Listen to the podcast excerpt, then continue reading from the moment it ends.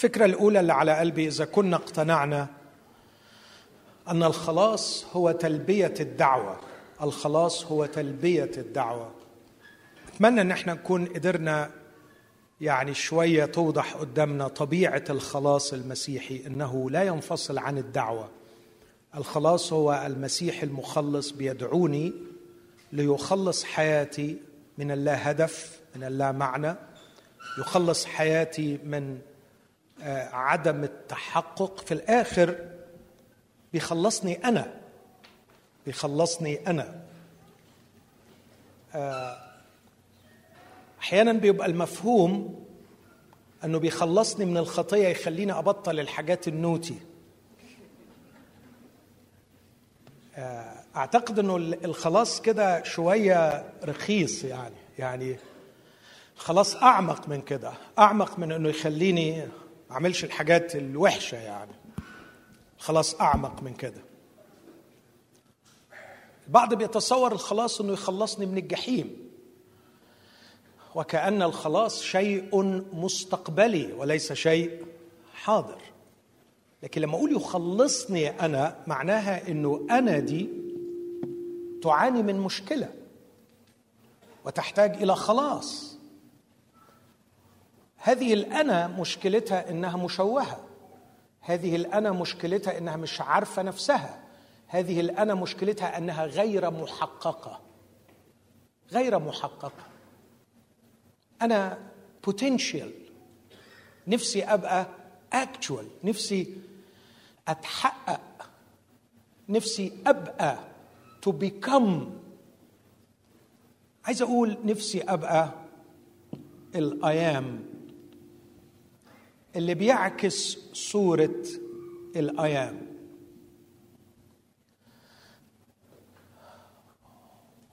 في وقت طويل انشغلت بدراسة ما يسمى الهوية الايدنتيتي واكتشفت إنه بعيدا عن العلاقة مع الشخص الوحيد القادر أن يقول أنا أكون من المستحيل علي كإنسان إني أقول أنا أكون. من خلال العلاقة مع الأيام يهوى الرب الكائن.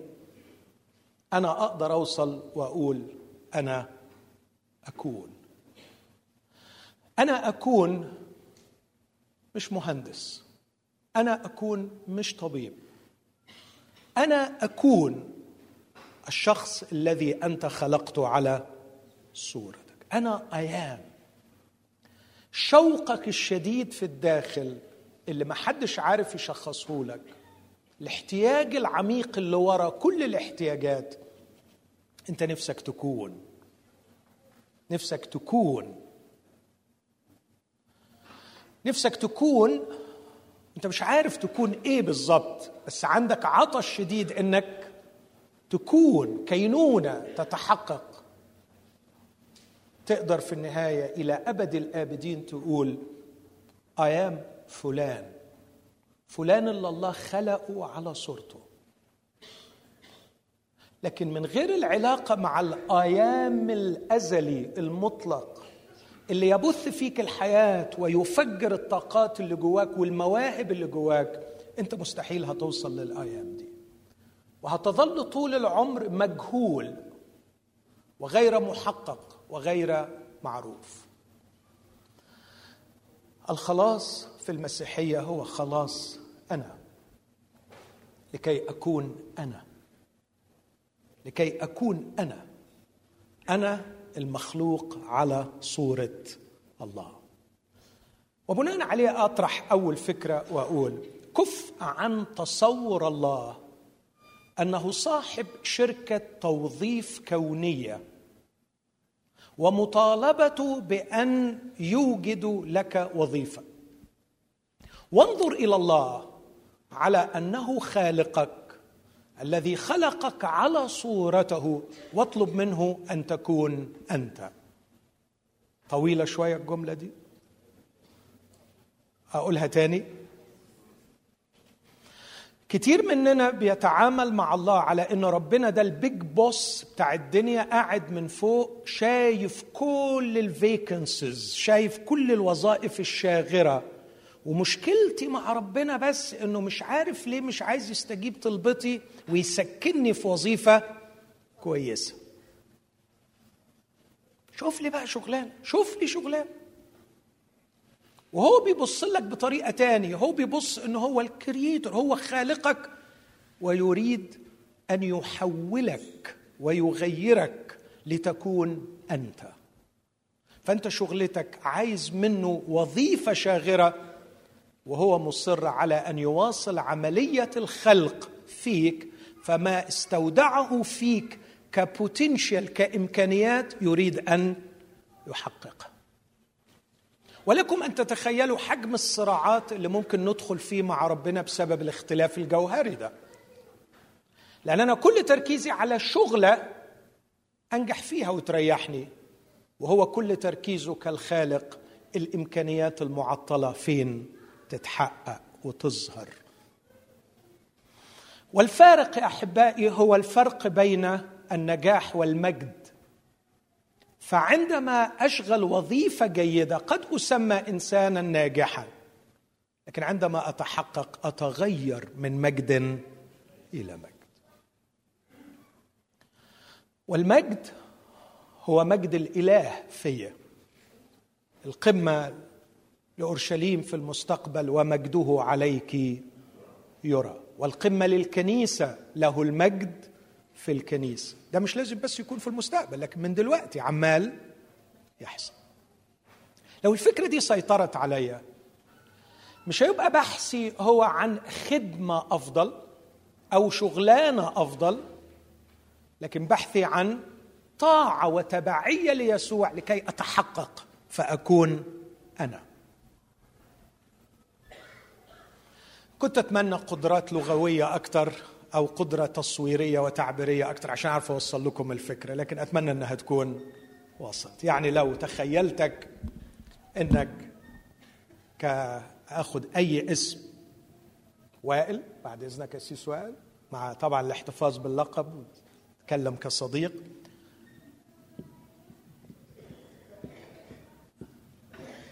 كل حاجة من دول potential عنده. potential عنده. potential عنده. أنا ما أقدرش أشوفه وائل كما أراده الله إلا لما كل البوتنشالز دي تتحقق. مش كده؟ يتم تفعيلها. يطلعها يخليها تزهر تثمر تطلع. علشان يحصل محتاج يتحط في ظروف في دايرة علاقات تحت ضغوط. تخيلوا بقى لو كل تفكيره هو مش في الحكاية دي ابدا هو كل تفكيره وظيفة مريحة خدمة جميلة. فالصراع مع ربنا شغلني وخدمني.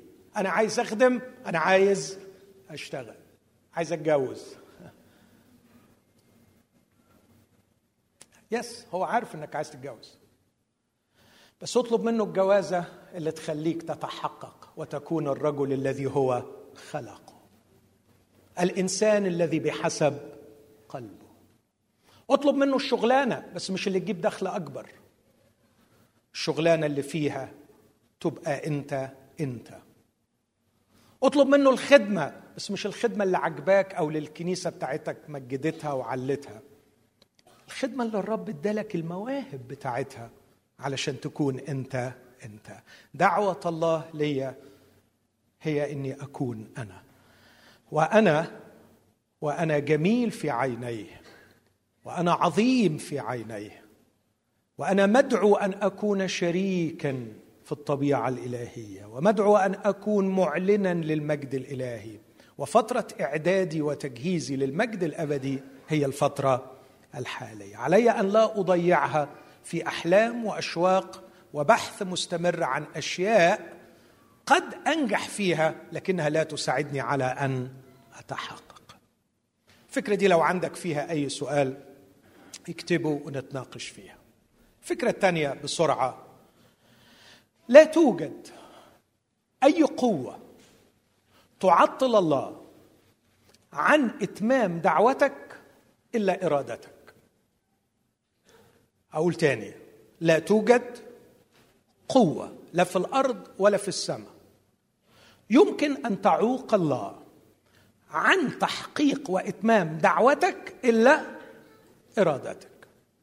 المره الوحيدة اللي شفنا فيها يسوع باكي وبيعلن عجزه لما بيقول لها أنا أردت وأنتم لم تريد. طب ما تكسر رجله وتخليه ما عندوش الحتة دي للأسف. أقول أقول أقول بكل حزن فعلا للأسف للأسف. أنا ما عنديش مانع ابدا تكسر رجلي وتعمل فيا اللي أنت عايزه. ما بيقبلش. عنده مسألة حتى لما بيعمل فينا يقول الله هو العامل فيكم أن يعني عنده استعداد يعمل أي حاجة عشان حضرتك تريد لكن عمره في النهاية ما يريد وينفذ ما يريد وأنت لا تريد. ما بيحصلش. ليه موضوع كبير مش مش وقته أدخل فيه؟ لكن لغاية دلوقتي ما بفهمهوش وكنت أتمنى أن ربنا يظل يعاملني كطفل ويكتفني ويعمل فيا اللي هو عايزه لكن هو رافض تماما الأسلوب ده. هو عنده استعداد يتناقش يتحاور يقول لك هلم نتحاجج عنده استعداد يأدب عنده استعداد يتكلم عنده استعداد يصبر. عنده استعداد يضيق ويزنق لغاية ما حضرتك تريد. بعد ما تريد اسمعني تاني من فضلك. لا جب أسود ولا أتون نار ولا بحر سوف ولا صحراء ولا أي نوع من الظروف يعوق الله عن إتمام دعوته. المشكلة الكبرى هي في إرادتنا. أعتقد أنه حل القضية دي هو أنه دايما أقول له ما هي إرادتك يا رب. وأيضا أني أتغير عن شكلي بتجديد ذهني لي حد يكمل. تختبروا ما هي إرادة الله الصالحة المرضية الكاملة. كلمة تختبروا هنا to test مش to experience علشان تقدر تمتحن كل ال options واحد منهم تقول آه هو ده إرادة الله. مش لكي تختبر يعني تجديد الذهن لكي ما يعطيك ذهنا قادرا على تمييز ما هي إرادة الله. فلما تمتحن كل اللي معروض عليك تقول لا دي مش إرادة الله. فالشغل أساسا هو على الذهن علشان تعرف تميز إرادة الله. وطبعا ده يستلزم أن أجدد ذهني بكلمة الله.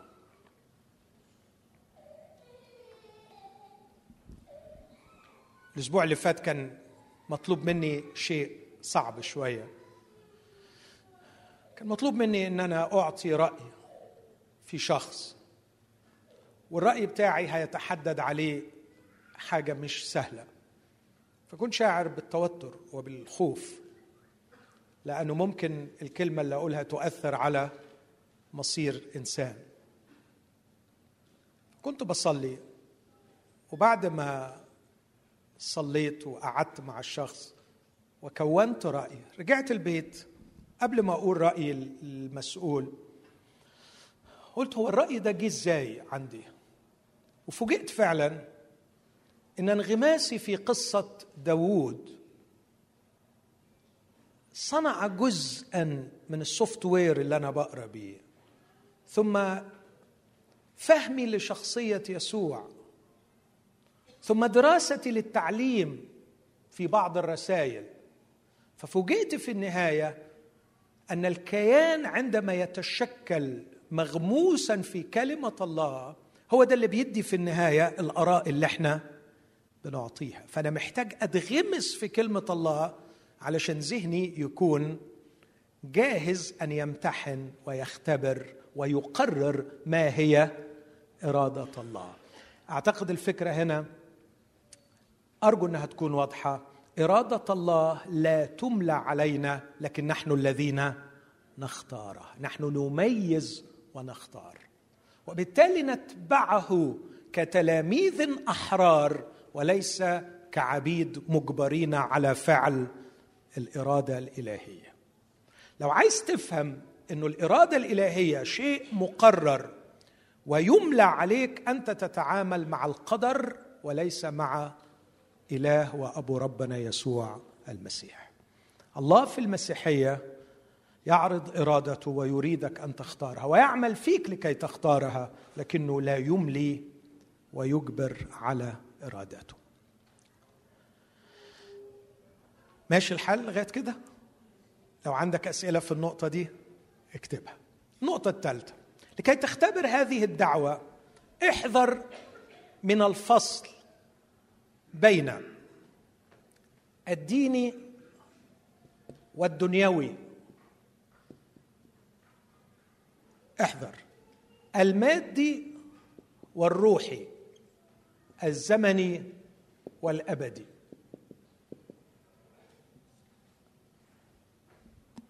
الفصل ما بين الديني والدنيوي ده غير مسيحي. الفصل ما بين المادي والروحي ده شيء غير مسيحي. الفصل ما بين الزمني والأبدي. أقول كلمتين على كل واحدة فيهم. عندما بدأت الكنيسة لم يكن هناك اطلاقا في حياة الكنيسة فصل ما بين الدين والدنيا يعني. لكن كانوا حتى الأملاك اللي كانت بين إيديهم كانت كلها ملك للرب وكانوا يضعونها بسرور عند أقدام الرسل وكان كل شيء بينهم مشتركا. كانت الحياة حياة واحدة. ما فيش جزء في الحياة لربنا يوم في الأسبوع أو خمس مرات في الأسبوع أو خمس مرات في اليوم والباقي هو وقتنا. كانوا مع بعض في البيوت يكسرون الخبز بابتهاج وبساطة قلب لدرجة إنه حتى مائدة الرب عشاء الرب كان لا ينفصل عن مائدة أخرى اسمها الأجابي. كانوا يولموا وليمة ياكلوا مع بعض وبعد ما يخلصوا الأكل يكسروا الخبز أو يتناولوا عشاء الرب. هي حياة واحدة. منظرها جميل في اكله وبرسكله كانا خيامين بيصنعوا الخيام.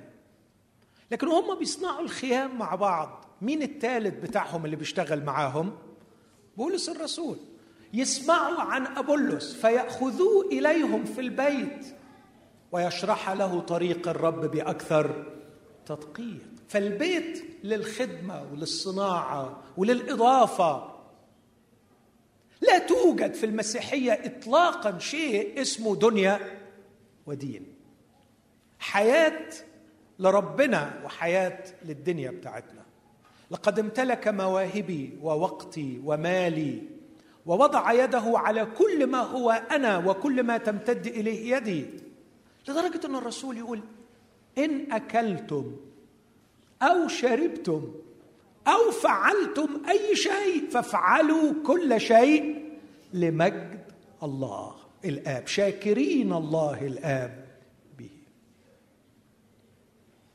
إذا لسه أنت فاصل في وقت بتاع ربنا ووقت بتاعي. في فلوس بتاعت ربنا وفلوس بتاعتي. في حاجات نعملها مع ربنا وفي حاجات ما ينفعش. دي نعملها مع العيلة لوحدنا. لا يمكن أن تتحقق الدعوة وهذا ليس خلاص. هذا تدين. الفصل بين المادي والروحي. الجسد مادة لكن الروح روح حاجة تاني. بس الكتاب ما بيعملش الفصل ده خالص. ويمكن حضراتكم لو درستوا كتير من الرسائل تلاقوا إنها بتهاجم فلسفة اسمها الفلسفة الغنوسية التي كانت تعتبر أن الجسد شر. وده بيترتب عليه أشياء كتيرة قوي فالبعض مثلا تطرف وقال إنه طالما إن الجسد شر مفيش مشكلة إن إحنا نزني. وبولس قال لهم البعض بيقرأ النص ده غلط في رسالة كورنثوس الأولى اصح ستة لما قالوا الأطعمة للجوف والجوف للأطعمة والله سيبيد هذا وتلك. ده شعار كانوا حاطينه الكورنثوسيون. زي بالظبط الشعار الثاني كل الأشياء تحل لي. ده مش مش إعلان إلهي كل الأشياء تحل لي. لكن ده بولس بيعلق على الشعارات بتاعت الفلسفة. قال لهم وين؟ ماشي. أنا موافق إن كل الأشياء تحل لي لكن ليست كل الأشياء توافق. أنا موافق إن كل الأشياء تحل لي لكن لا يتسلط علي شيء. نفس الكلام في كورنثوس الأولى 6 12 كل الأشياء تحل لي لكن ليس كل الأشياء توافق. كل الأشياء تحل لي لكن لا يتسلط علي شيء. كمالتها على طول اللي بعديها. الأطعمة للجوف والجوف للأطعمة. والله سيبيد هذه هذا وتلك. ده شعار فلسفة. بولس بيرفضه. وبيقول إيه بعديها؟ ولكن الجسد ليس للزنا بل للرب والرب للجسد. احتقار الجسد واعتباره شر قاد البعض للتطرف طالما هو شر شر وهيبيد هيبيد. والمهم الروحانية من جوه المانع نستعمله في الزنا بعض تطرف في الناحية الثانية وقال لك ما دام الجسد هو مصدر الشر فأهم حاجة إنك تعمل إيه؟ زله اقمعه اقهره. وده نلاقيه في كلوسي. الرسول سماها اسم غريب. قال العبادة النافلة التي هي عبارة عن تواضع. وقهر الجسد واعتباره ليس بقيمة ما. بعدين يحط تعليق من عنده ويقول هي ليس بقيمة إلا من جهة إشباع البشرية. ده واحد بيشبع رغباته البشرية في أن يشعر بأنه متفوق على الآخرين من خلال قمعه للجسد. ده تفسير النص بتاع كلوسي اثنين. إخوتي الأحباء الجسد هو هيكل للروح القدس. والأرض هي للرب المسكونة والساكنين فيها. الرب لم يصنع شرا والرب عندما خلق الخليقة رأى أن كل ما عمله إذ هو حسن جدا. إن جسدي اعجوبه خلقها الرب والطبيعة اعجوبه عظيمه خلقها الرب. وعلينا أن ننظر إلى المادة بكل احترام وبكل حب. صحيح الخليقة بتئن وتتمخض لكن ليها مشروع الفداء ليها وعد ونصيب في مشروع الفداء إنها ستعتق من عبودية الفساد إلى حرية مجد أولاد الله. وهذا الجسد إحنا يقول عننا متوقعين التبني فداء أجسادنا. لا فصل بين ما هو مادي وما هو روحي. فالرب يحب أجسادنا ويحب الطبيعة وعلينا ألا نفصل أبدا بين الاثنين. برضو دي أكيد فيها أسئلة فكر فيها ونتناقش فيها. لكن كمان الفرق بين ما هو زمني وما هو أبدي. عندنا تصور إنه حياتنا على الأرض ماشية وهيجي لحظة يحصل فيها أوف وبعدين نبدأ اون من أول وجديد في حتة تاني. لكن الكتاب بيتكلم عن ملكوت الله وبيتكلم عن الحياة الأبدية بمفاهيم مختلفة. فبيتكلم عن ملكوت الله إنه موجود الآن. لما يقول توبوا لأنه قد اقترب ملكوت السماوات. ما كانش يقصد اقترب زمنيا إنه خلاص قرب يجي. لكن يقصد اقترب ات هاند يعني الملكوت أصبح متاح. قرب منكم قرب بحيث إنك تقدر تعمل إيه؟ تدخل. وأول ما هتدخل ملكوت الله هذا الملكوت يقول عنه في بطرس الثانية واحد يقدم لكم بسعة دخول إلى ملكوت ربنا يسوع الأبدي. فحضرتك خطيت جوه الملكوت كل اللي هيحصل هو تغير لوضع الجسد من جسم زرع في فساد إلى جسم يقام في مجد. لكن أنت already في داخل الملكوت. هيحدث تغير في وضع الجسد في داخل هذا الملكوت بعد القيامة لكن أنت already دخلت الملكوت. مش كده؟ البعض بيتصور أن دخول الملكوت شيء مستقبلي. لا. الحياة التي أعطاها إيانا الرب اسمها الحياة الأبدية eternal life. ماذا تعني الحياة الأبدية المؤقتة؟ لها معنى الكلمة دي؟ ملاش أي معنى ما يا إما أبدية يا إما مؤقتة. السؤال هل الحياة التي نلناها حياة أبدية أم حياة مؤقتة؟ حياة أبدية. فإحنا خدنا الحياة الأبدية من الآن. أشعر كأني أعيش محاط بدائرتين. رأسي في دائرة عليا دائرة ملكوت الله أتمتع بالحياة الأبدية. استمتع بالعلاقة مع الآب ومع ابنه. أثر الحياة الأبدية أن يعرفوك أنت الإله الحقيقي وحدك ويسوع المسيح الذي أرسلته. وأعيش استمتع بالعلاقة معه استمتع بالشركة أفهم فكره أنزل لأعمل معه. لكن رجلي أيضا موجودة في هذا العالم المادي في هذه الفترة الحاضرة لكي أتمم مشيئة أبي لكن لا انفصال عندي بين الزمن وبين الابدي إن الابدي بالنسبة لي قد اخترق الزمن وأصبحنا الآن نعيش في ملكوت الله ونعيش الحياة الأبدية من الآن والقصة هي مجرد تغيير في طبيعة الوجود في هذا الملكوت. ما بين وجود روحي في الداخل أنا كياني في الداخل مسيحي أعيش في جسد لم يفدى بعد إلى مسيحي من الداخل ويعيش في جسد قد تم فداؤه. اسمعوا الآيات دي من فضلكم. ممكن تطلعها لنا اخونا ولا ما عندكش نص الكتاب؟ عندك؟ بص معايا في رسالة روميا أصحاح 8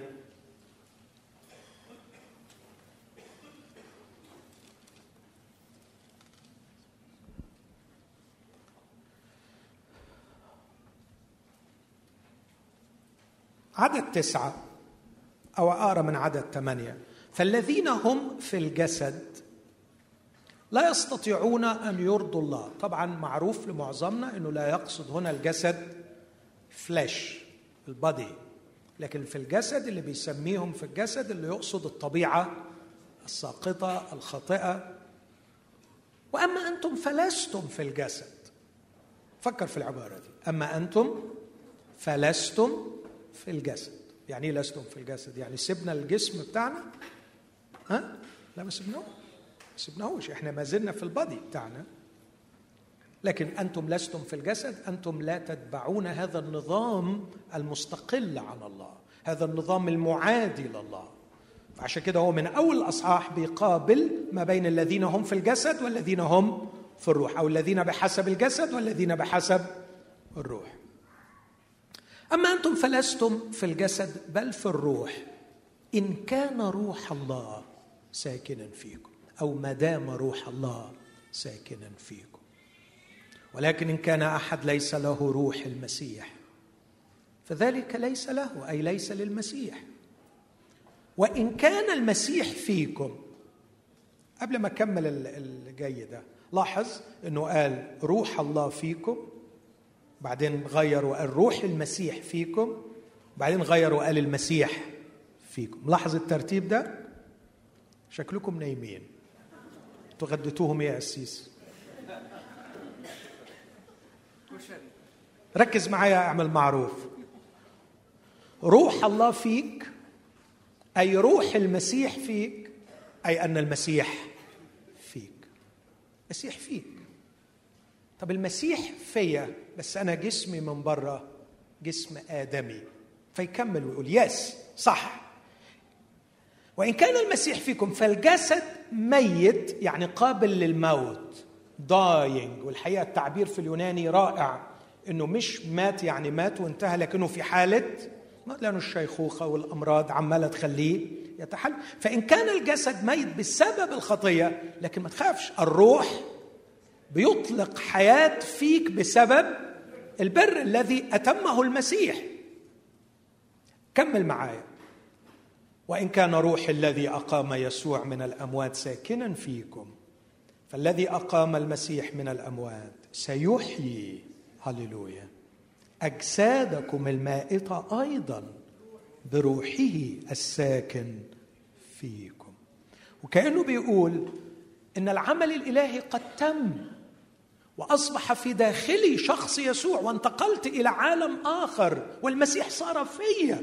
كل اللي ناقصني إن روح الله هيعمل آخر عمل لي عندما يطلق ضفقه حياة للبادي ده فيتحول ويكون على صورة جسد مجده بحسب عمل استطاعته أن يخضع لنفسه كل شيء. فال process شغالة أنا مش هنقل من مرحلة لمرحلة. هي المرحلة already بدأت. هيحدث بس في النص تغيير لكن ليس بداية جديدة. already المسيح فيكم. already أنتم هيكل الله. already نلتم الحياة الأبدية. اوريدي أنتم في ملكوت الله. كل ما في الأمر أن الجسد سيتغير. سواء يتغير بالتغيير أو يتغير بالقيامه من الأموات. لا نرقد كلنا لكن كلنا نتغير. سيحدث تغيير لهذه الأجساد عندما يتم فدائها وسنكون مثله لأننا سنراه كما هو. كف عن الفصل بين الزمني والابدي المادي والروحي الديني هي حياة واحدة بدأت وتمتد إلى الأبد. ده ممكن ينعكس عليا في إيه؟ ينعكس عليا أسأل سؤال. الكاركتر بتاعتي الشخصية بتاعتي تنتمي للعالم المادي أم للعالم الروحي؟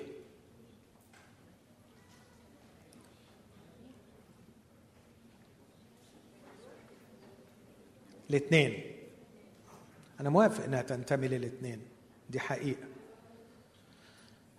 طب أسأل سؤال. أكيد بتتأثر طبعا بالعالم المادي لأنه لما أقول شخصيتي أنا بتكلم مثلا عن وداعة حلم طول انات ذكاء صبر مواهب معينة. الحاجات دي ما تقدرش تفصلها عن الجينات. مش كده؟ مش كده؟ فالجينات كان ليها دور. الجينات مادية ولا روحية؟ are you sure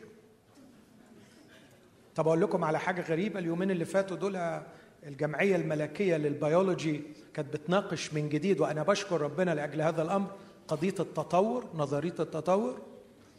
فطرحوا بحث جديد بيقولوا يبدو أن هناك عقل بعيد عن ال DNA بيوجه ال DNA طول عمرنا فاهمين إن ال DNA هو العقل اللي بيمشي الخلية لكن ابتدوا يكتشفوا بعد بعض أبحاث أنه يبدو أن هناك عقل آخر هو الذي يوجه ال DNA. ده اكتشاف مذهل يهز عرش نظرية التطور. فبرضو أنا مش قادر أقول هل كل العقل الموجه للخلية وللجينات هو موجود جواها ولا موجود براها؟ وهل كلمة عقل هي شيء مادي ولا شيء روحي؟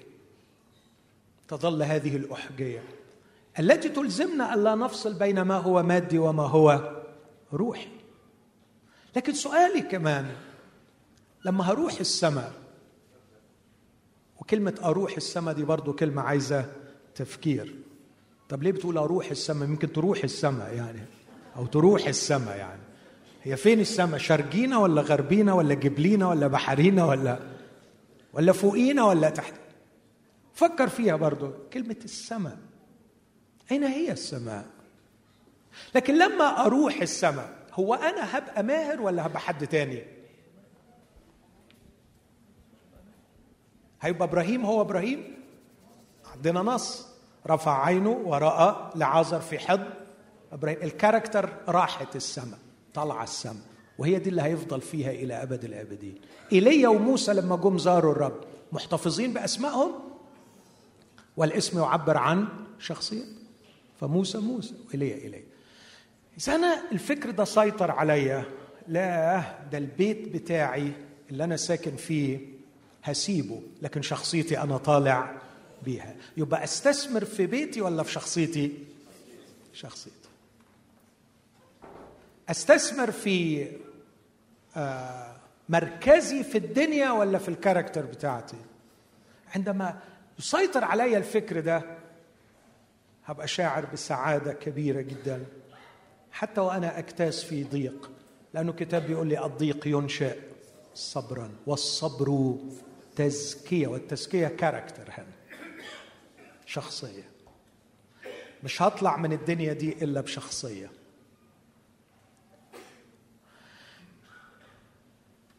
كتبت قديما فكرة. أشعر أن الأيام تمر وتفر مني. لا أقبض منها إلا على اللحظة. لأنه فعلا أول ما فكرت وقلت أنا همسك اللحظة دي غالبا بتكون راحت. ففي صراعي أريد أن أقبض على اللحظة علشان حاجتين. أتغير. وفي السين ألقيهما في صندوق الخير الأبدي. ما فيش شيء بتعمله لأجل الرب هيضيع وما فيش تغيير هيحصل في شخصيتك هيضيع وباقي كل الحاجات هتضيع. صدقني الحاجتين الوحيدين اللي باقيين عمل في الرب ليس باطل. والتغير اللي هيحدث في شخصيتك هو الشيء اللي سوف يبقى معك. لا تفصل بين الزمن الزمني والابدي آخر نص أقوله بهذا الصدد بيقول وأنتم باذلون كل اجتهاد. بطرس الثانية صح واحد وابتداء من عدد خمسة.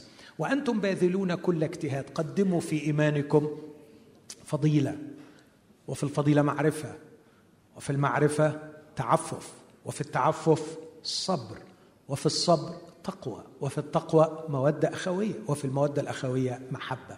السبع حاجات دول كلهم استثمار في الشخصية ولا في الدنيا؟ في الشخصية فضائل في الشخصية. وبعدين يقول إذا كانت هذه فيكم وكثرت هتعمل بركات كتير آخرهم يقدم لكم بسعة دخول إلى الملكوت الأبدي. فالحاجات دي هتخليك تحتل وضعا أفضل في الملكوت الأبدي وتبقى معك في الملكوت الأبدي. رب يسوع يقول اكنزوا لكم كنوزا في السماء. فأرجوك فكر فيما هو أبدي وخليه يسيطر عليك وأنت بتحكم أحكام وبتاخد قرارات في هذه الحياة. أنا قلت لغاية دلوقتي أربع أفكار. الفكرة الأولى الله ليس صاحب شركة توظيف كونية عظمى لكنه الله خالق يريد أن يحقق شخصيتك يحققك أنت علشان تكون الأيام اللي بحسب قلبه. الفكرة الثانية كف عن الفصل بين الديني والدنيوي والفصل بين المادي والروحي والفصل بين الزمني والأبدي. وأختم بفكرة أخيرة. ركز معايا فيها. إن أعمق احتياجاتك لا أن تتحقق رغبتك لكن تكتشف أنك أنت مرغوب فيك. ده مش كلامي ده كلام واحد من اللاهوتيين اللي بحترمهم اسمه يورجن مولتمان هقولها تاني. أعمق أعمق أعمق احتياجاتك. مش إن رغبتك تتحقق لكن إنك تكتشف إن أنت نفسك desired مرغوب فيك. فكر فيها كده. فكر فيها. شوقي من الأعماق اللي تريني ما كنتش عارفه؟ مش إني أرغب لكني إني أكون مرغوبا. محبوبا مطلوبا. أعتقد ده من وجهة نظري هو التفسير الوحيد لماذا ينفق الأمريكان 40 مليار دولار كل سنة على الكلاب. لأن الكلاب هي الكائنات الوحيدة التي تجعلهم يشعرون أنهم مرغوبين ومحبوبين. صح؟ حد عنده كلب؟ بيعمل إيه لما بتيجي؟ حفلة. الوحيد اللي بيعمل لي حفلة لما باجي. دي حقيقة. دي حقيقة. وأنا بفكر جديا أكتب كتاب على الموضوع ده. المؤمنون والكلاب. زي على وزن اللص والكلاب. الكلب هو الكائن الوحيد الذي يجعلني أشعر أني مرغوب فيه مرحب به مقبول. محدش تاني بيحسسني. طب وانت الموضوع ده فارق معاك ليه؟ فارق معايا لأنه فعلا ثبت روحيا أن أعمق أعمق احتياجاتي في الداخل لا أن تتحقق رغبتي لكن أن أكتشف أني أنا نفسي مرغوب فيه. القصة المسيحية تقول على فكرة هو يوم ما عملك عملك علشان يحقق فيك رغبته بأن تكون أنت مرغوب فيك. بس مرغوب منك مرغوب فيك مش من كلب لا مؤاخذة لكن مرغوب فيك من الله نفسه. الله نفسه. أنت أعمق أعمق رغباته. وعندما يأخذك في حضنه ستكتشف أن من يسعد في هذه اللحظة ليس أنت بقدر ما هو يسعد. بص كده المنظر لما وصفه يسوع. الأب وقع على عنقه والكلمة الحرفية غطاه بالقبلات. يعني ما كانش عارف يبوس فين ولا فين ولا فين. ما رأش إن الولد كان في هذه الحالة من النشوة. الولد كان يفكر في مرغوبه. أجعلني كأحد. أجراك. اديني أكل. هي دي رغبتي. والأب يقول له لا ينقصني يا ابني مزيدا من الأجر ولست أحتاج إلى مزيد من العبيد لكني كنت في شوق إلى ابني. ابني. ابني. ولم يعطيه الفرصة أن يكمل حديثه لكن يتجه إليهم ويقول ابني هذا. كان ميتا فعاش عاش عندما أعطاني الفرصة أن أشبع رغبتي فيه. كان حضني فارغا حتى امتلأ بهذا الابن الذي عاد. عد يا ابني عد يا ابني واملأ حضني فأنت مرغوبي أنت رغبتي. عد إلي. عد إلي. ولا تجعل شيئا يأخذك مني. ولا تنصرف بعيدا لتحقق رغباتك فإن أعمق أعمق رغباتك ليس أن تشبع رغبتك لكن أن تختبر أنك أنت مرغوب فيك مرغوب فيك من أبيك الذي ينتظرك. منظر حضن الأب وهو ممتلئ بالإبن هو تحقيق الهوية الإنسانية. هناك سمعت من فم أبي واستلمت بطاقة هويتي عندما قال ابني هذا كان ميتا فعاش وكان ضالا فوجد ساعتها أنا بلاقي نفسي بلاقي نفسي وبعرف أنا مين وبتحقق وتعرف إيه اللي حصل بعديها؟ اللي حصل بعديها حذاء وحلة وخاتم. ودي مش وبس الحذاء عشان تعمل مشاوير أبوك والحلة علشان تمثل أبوك والخاتم لتوقيع أوراق أبوك. دي مش زينة دي مش مناظر. لكن عندما تعود الهوية وتتحقق الدعوة الإلهية وأجد نفسي في حضن أبي على الفور امامي عمل فأقول أبي يعمل حتى الآن وأنا سأخرج لأعمل مع أبي وهذا هو معنى الحزام وعندما أصل إلى مكان العمل سألبس حلة أبي. لأني هناك أمثل أبي ولست أمثل نفسي. وفي يدي خاتم أبي لأوقع بالنيابة عنه. I am his representative. أنا هنا من أجل أبي وسأعيش من أجل أبي. هي دي الدعوة. هي دي القصة. مش قصة إن أنا بدور على وظيفة ولا على شوية فلوس ولا على مركز ولا نجاح. هتلاقي نجاح كتير. وأنا بقول الكلام ده ناس يا عم طب بس نشوف بس نشوف. أنا أعتقد إنها كانت واحدة من نعم الرب علي التي لا يمكن أن أقدر حجمها وعظمتها. أني في تلك الحجرة الصغيرة على مكتبي كطبيب نفسي أجلس لأسمع قصصا أعود كل مرة وأقول آه يا رب. كنت أظن أني سمعت كل القصص لكنك لم تزل تفاجئني لم تزل تفاجئني لم تزل تفاجئني. كل ما رأيت البعض يحلمون به رأيت محققا عند البعض الآخر والفراغ عندهم أعمق وأعمق وأعمق. واحيانا بيدخلوا ورا بعض. ده بيشتكي من قلة الحاجة دي ده بيمتلك الحاجة دي بثراء ويعني بسخف وفراغ ده أعمق من ده. فبقول يا ريتني كنت قعدتهم مع بعض عشان يعقدوا بعض. آه لو تعرف لا ينقصك شيء ينقصك شخص.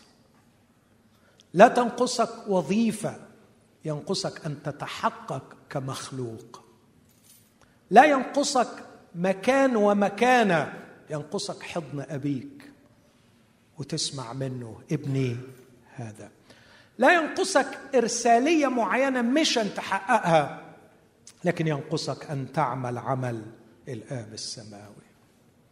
متعة لا يمكن أن تدانيها متعة أخرى عندما تشعر أنك تعمل معه. تعمل معه. ربما مع شخص في حجرة مغلقة. أو مع آلاف. القضية ما عادتش أعداد أو أرقام أو حجم إنجازات. لكن القضية هي أنك تعمل مع أبيك. تعمل معاه حاجة صغيرة حاجة كبيرة مش دي القضية. القضية إنك بتشتغل معاه علشان تحقق غرض وجودك